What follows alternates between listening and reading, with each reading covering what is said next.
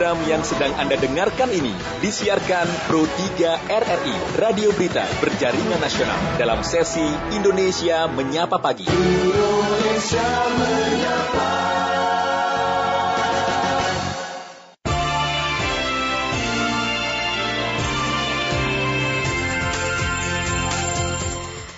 Pendengar, kita nanti akan membahas juga soal kanker kulit dalam dialog kesehatan sesaat lagi, pendengar. Nah, ini untuk informasi awal juga ya untuk Anda dari referensi yang uh, saya baca ini bahwa kanker kulit itu merupakan kelainan pada kulit sebenarnya yang ditandai dengan pertumbuhan abnormal sel kulit. Nah, kanker kulit ini terutama menyerang sel kulit yang terpapar sinar matahari ya, seperti pada daerah wajah, pada lengan Anda atau pada tungkai.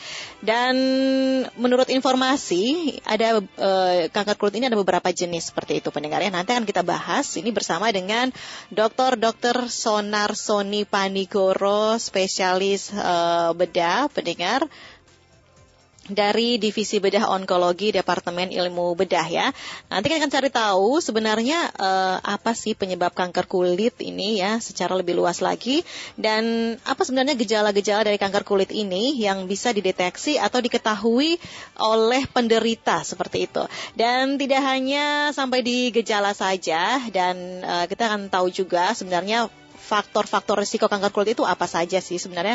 Kanker kulit itu apakah dengan kanker lainnya? Kalau kemarin kita bahas soal kanker payudara begitu ya.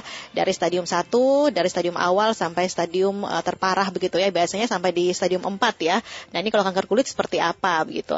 Dan untuk penanganannya ya diagnosa uh, dan juga untuk pencegahan dan untuk pengobatan terapi dan lain-lain akan kita bahas bersama sesaat lagi pendengar bersama dengan Dr. Dr. Sonar Soni Panigoro.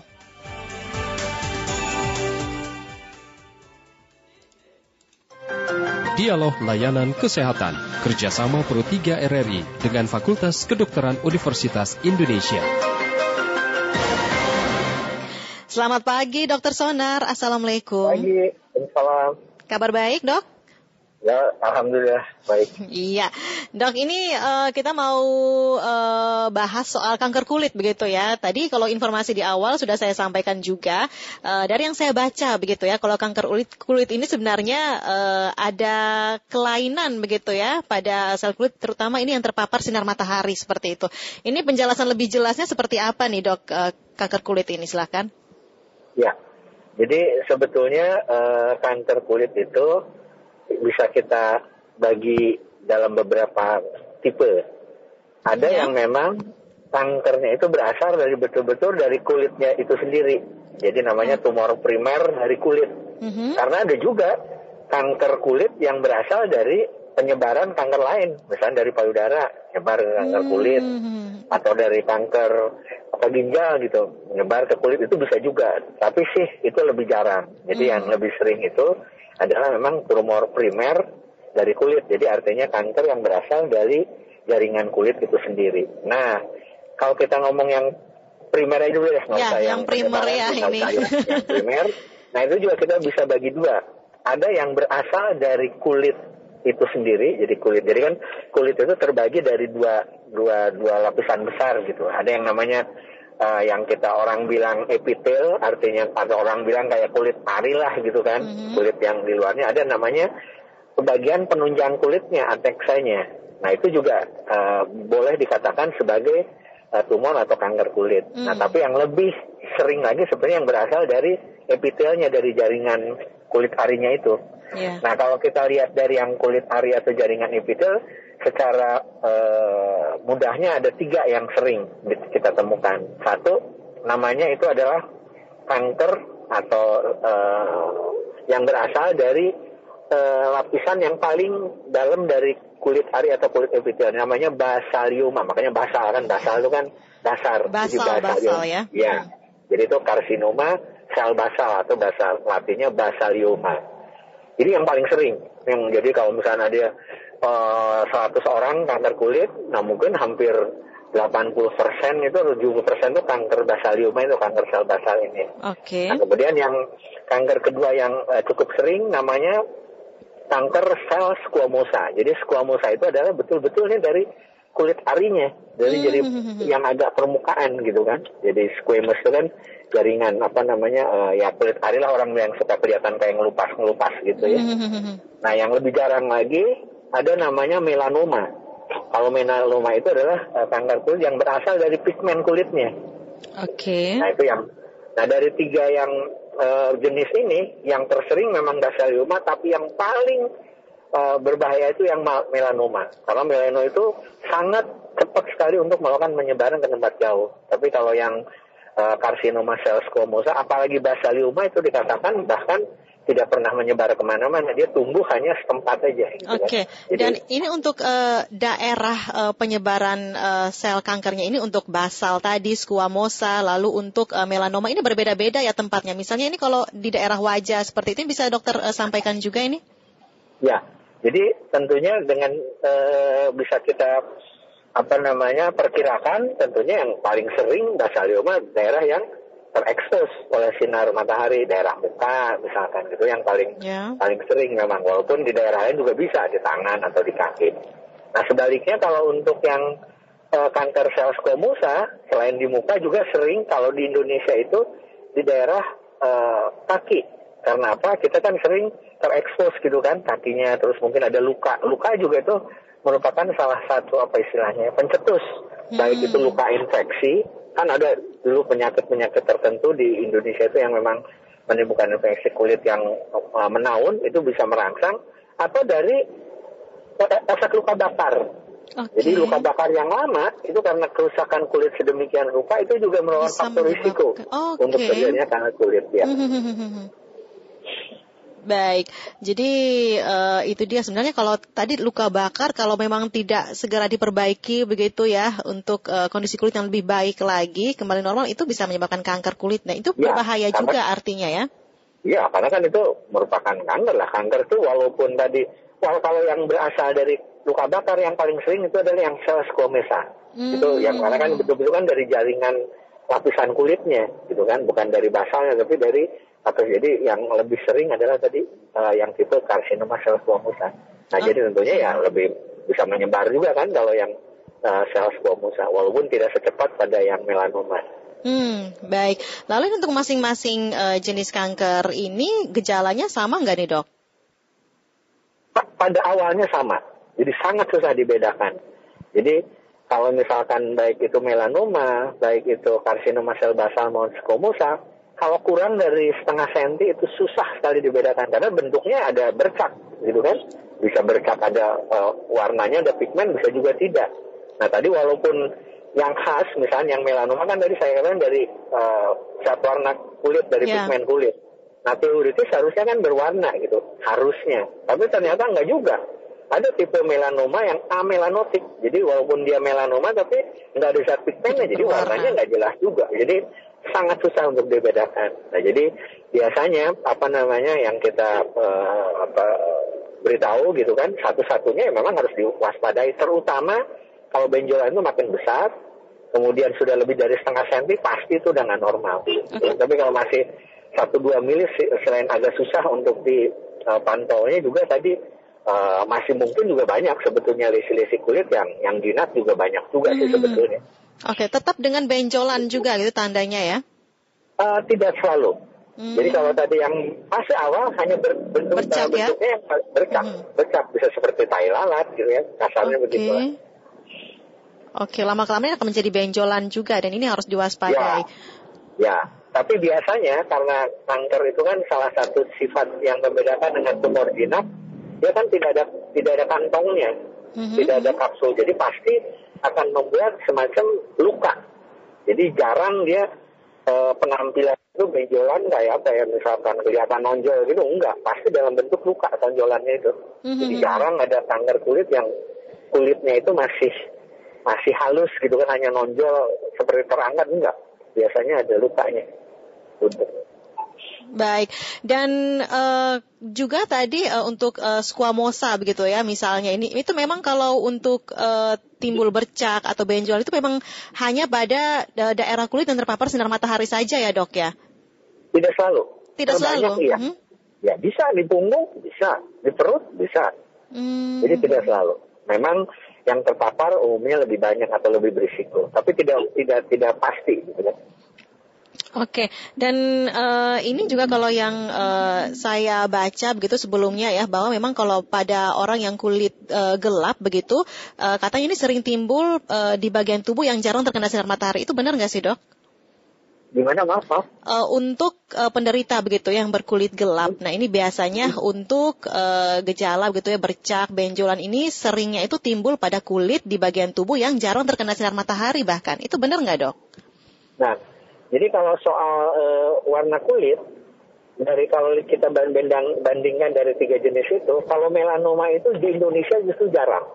Itu tersering hmm. justru di uh, Eropa, Amerika, bahkan yang paling tinggi itu di Australia dan New Zealand. Karena itu subtropik, di mana paparan uh, ultraviolet sangat sangat tinggi dan memang ya melanoma sih lebih banyak di daerah itu. Nah, okay. untuk di Indonesia sendiri justru hampir nggak pernah ada melanoma di tempat tertutup. Yang hmm. paling sering di Indonesia melanoma itu di tempat terbuka, khususnya ujung jari atau di kaki. Itu yang paling sering. Hmm. Justru yang di dalam-dalam apa namanya uh, bagian yang tertutup jarang gitu kan kalau di Indonesia yang sering tadi sel squamosa atau uh, basal Baik, oke dok, ini kita uh, undang pendengar juga, mungkin ada yang mau uh, bertanya langsung begitu ya dengan uh, dokter pagi ini ya dok ya. Halo. Maaf ada putus-putus. Oh ya, dok, ini ada pendengar juga yang bergabung bersama kita, boleh ya dok ya? Iya, ya, silakan, silakan. Iya, ini ada Pak Putra dari Lampung. Pak Putra, selamat pagi. Selamat pagi, assalamualaikum. Waalaikumsalam. Iya, Oke kita... dokter, ini masalah kulit ya, kanker kulit ya. Nah, yang ingin saya tanyakan, apakah juga warna kulit ini mengaruhi satu penyakit kulit, dokter? Warna kulit ya? Ini ya. punya uh, potensi efek gitu, ya, gitu ya, potensi nah. gitu ya. Nah, jadi pertanyaan yang kedua, selain vitamin D, vitamin apa lagi yang sangat baik untuk kulit, dokter? Baik. Untuk menjaga kesehatan kulit. Mohon penjelasannya dokter. Selamat pagi. Assalamualaikum. Selamat pagi. Waalaikumsalam. Pak Putra di Lampung dok ini ya yang menanyakan ini warna Halo. kulit Halo Pak Putra, uh, dokter, dokter Sonar. Halo. Halo. Halo dok. Anda putus-putus saya. Maaf tadi kenapa bisa diulang? Oke, dok sudah bisa dengar suara saya dengan lebih baik dok? Halo. Baik, kami coba kembali menghubungi Dokter Sonar Sony pendengar ya. Uh, kita masih membahas terkait dengan kanker kulit.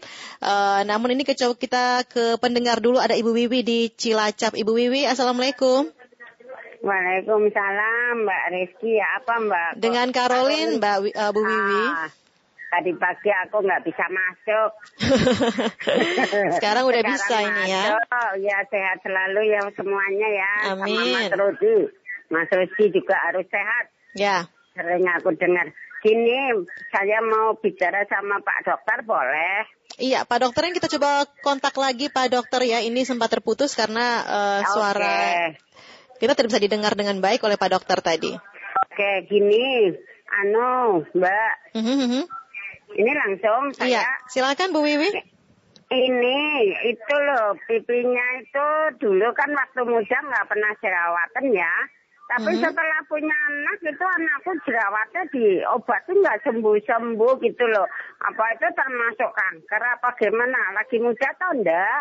Hmm. Nggak pernah jerawatan bersih. Tapi setelah punya anak, anak yang ke satu juga enggak. Tapi setelah anak yang kedua nih keluar jerawat diobati nggak sembuh sembuh minum jamu nggak sembuh sembuh gimana itu ya mbak? Ya tolong dimintakan Baik. Anu sama pak dokter. Baik Bu Wiwi terima kasih. Selamat, selamat pagi salam, salam sehat Ya kita sudah terhubung kembali dengan dokter Sonar. Halo dok. Iya iya Iya sudah bisa dengar dengan baik ya dok ya? Iya uh, okay. cuman ini low bed nih. Gimana? Yang ini low bed masalahnya. Memang lebih bagus ini sinyal. Oh gitu ya. Tinggal 11 persen, 10 persen ya. Oke, okay, dok. Tadi ada uh, dari ya. uh, pendengar kita juga tadi ya ada Pak Putra di Lampung yang ini menanyakan kalau um, warna kulit itu sebenarnya ada efek atau ada potensi nggak sih untuk uh, mempengaruhi kanker kulit seperti itu? Dan uh, juga vitamin selain vitamin D itu yang bagus untuk kesehatan kulit itu apa katanya? Uh, itu dari Pak Putra ya. Ini ada dari Ibu Wiwi juga. Uh, atau kita jawab dulu dari Pak Putra ya Pak Dok ya? Iya iya. Oke. Oke okay. jadi satu untuk warna kulit seperti saya sampaikan tadi betul itu ada pengaruhnya jadi untuk tipe yang melanoma itu jarang di yeah. kulit berwarna seperti di Indonesia. Itu lebih sering di uh, kulit putih gitu kan. Terutama kalau yang melanoma itu paling tinggi di dunia itu adanya di Australia dan New Zealand karena memang si paparan UV-nya itu paling paling, paling tinggi kan karena memang hmm. subtropis gitu.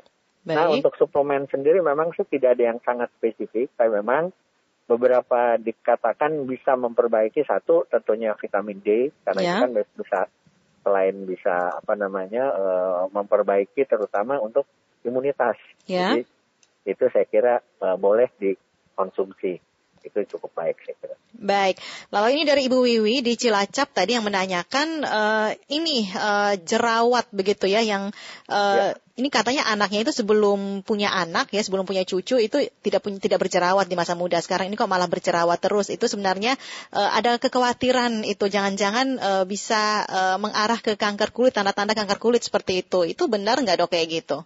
Ya, jadi biasanya sih seperti saya sampaikan tadi memang betul ada beberapa faktor risiko untuk terjadinya apa namanya kanker kulit. Tetapi sampai sekarang sih belum kita temukan uh, hubungan yang uh, jelas apakah uh, jerawat atau akne itu bisa uh, uh, merupakan faktor pemicu untuk kanker. Jadi mm-hmm. saya kira sih apalagi dari riwayatnya itu kan betul-betul itu dipengaruhi oleh hormonal. Nah, jadi yang penting sekarang tadi coba saja ngobrol sama dokter kulit atau dokter uh, kandungannya yang khusus hormonal apakah ada ketidakseimbangan? Yang paling sering itu. Karena okay. sampai sekarang kita belum pernah menemukan ada kasus uh, apa namanya uh, jerawat yang lama yang menjadi kanker. Jadi hmm. jangan khawatir tapi tetap harus dicari juga penyebab jadi jerawatnya gitu ya Baik. Nah, Dok, ini kan kalau tadi katanya uh, ini ya untuk gejalanya itu katanya sulit begitu sebenarnya dideteksi ya. Uh, nah, ini kalau yang paling mudah ada nggak nih supaya diketahui begitu tanda-tandanya oleh penderita sehingga lebih cepat begitu ya untuk ke dokter, untuk ke rumah sakit seperti itu dan uh, cepat juga penanganannya seperti itu, Dok. Oke. Jadi kalau payudara kita tahu kan adanya sadari. Sadari, sadari ya. Payudara sendiri. Ya. Kan? Kulit juga ada, namanya sakuri. Periksa kulit sendiri.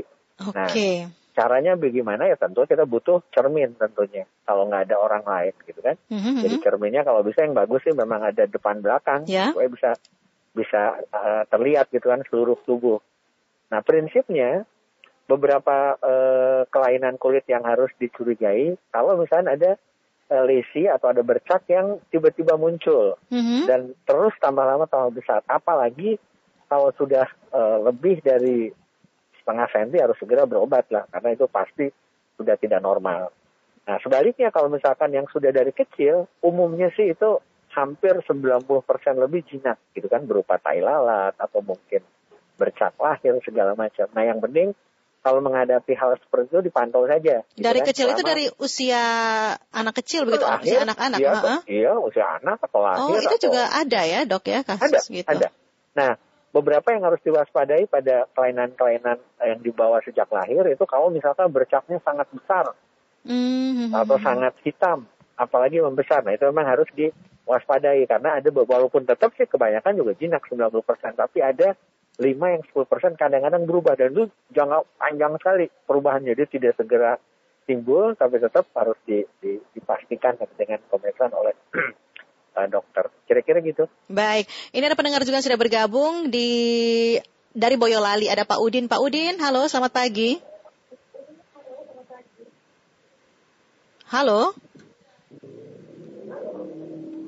Iya, terputus untuk Pak Udin ya. Ibu Mariam dulu nih di Solo. Ibu Mariam, halo.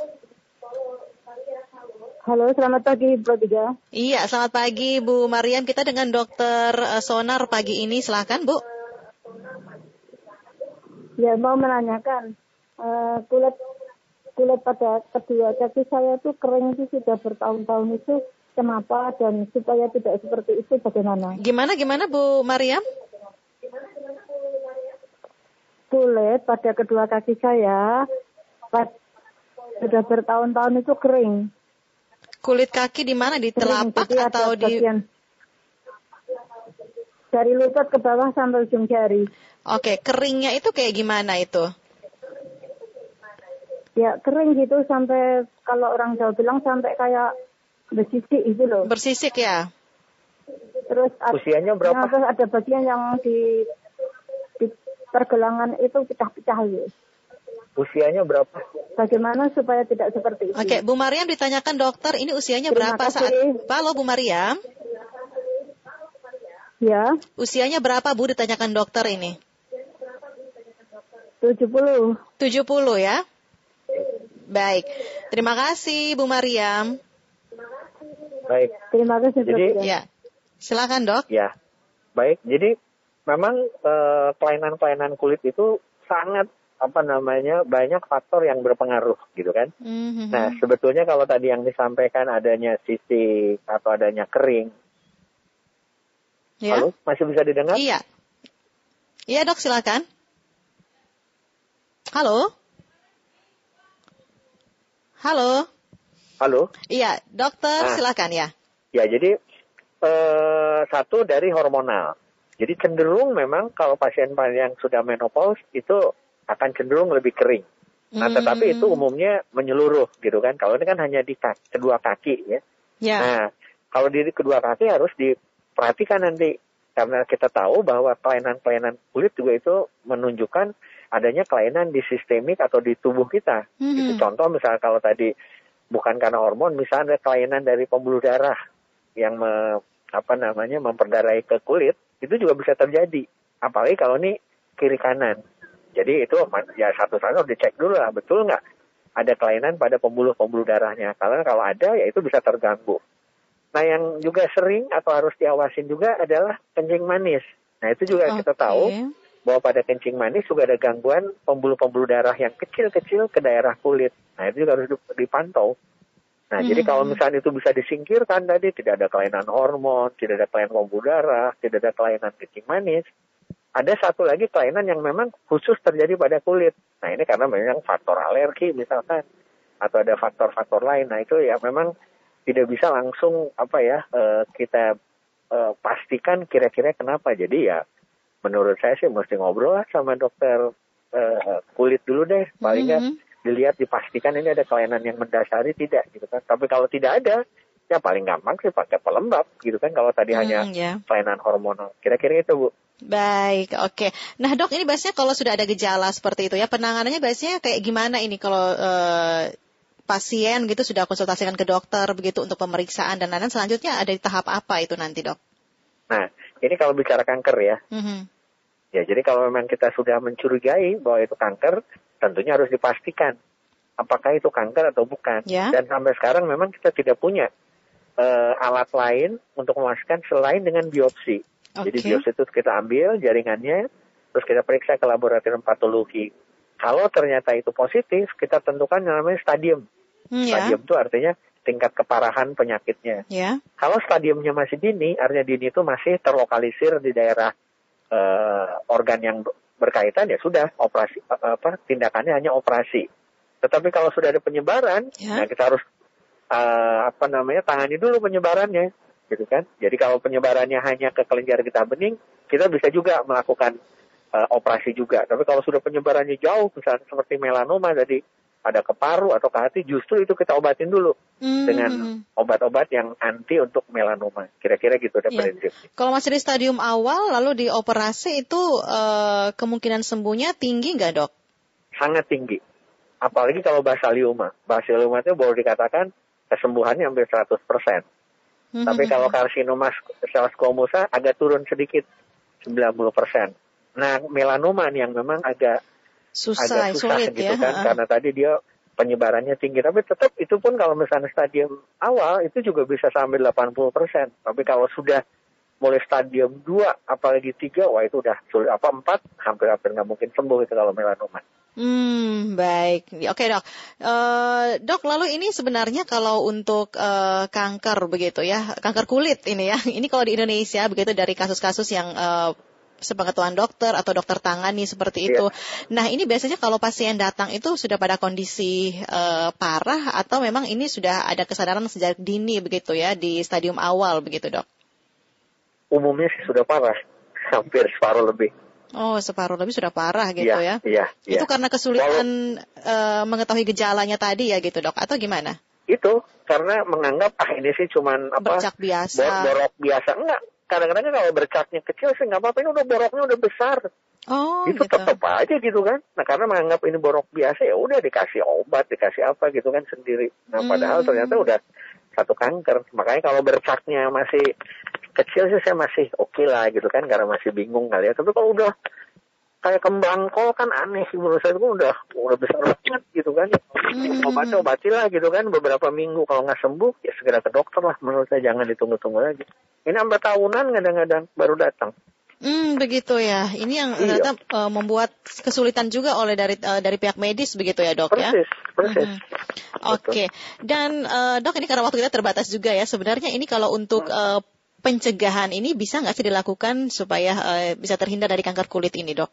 Nah, jadi pencegahannya ada dua gitu kan. Ada yang namanya pencegahan primer dan sekunder. Primer itu artinya mencegah supaya jangan terjadi kanker. Mm -hmm. Kalau percaya sekunder itu jangan penyakitnya berlanjut. Nah, yang ideal sebenarnya primer. Cuman primer itu kan susahnya karena kita nggak tahu persis apa yeah. sih penyebab pasti. Nah, tetapi ya tadi beberapa yang mungkin bisa berpengaruh satu kan ultraviolet. Yeah. Nah, jadi kalau kita tahu ya hindarilah. Jadi kalau yang senang memang atau kerjanya outdoor pakai sunscreen atau pakai topi misalnya pembaju yang yang tertutup lah kira-kira mm -hmm. gitu. Itu yang mungkin kita bisa kerjakan. Yang kedua tentunya kalau misalnya tadi ada apa namanya faktor risiko, misalkan tadi ada luka bakar, nah itu harus sering dipantau gitu kan. Jangan-jangan nanti supaya jangan jadi lebih ini.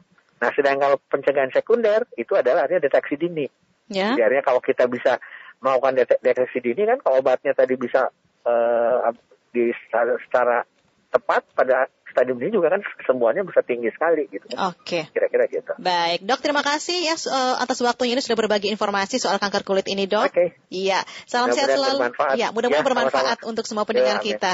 Baik. Salam sehat selalu ya dok. Selamat pagi. Yo pagi.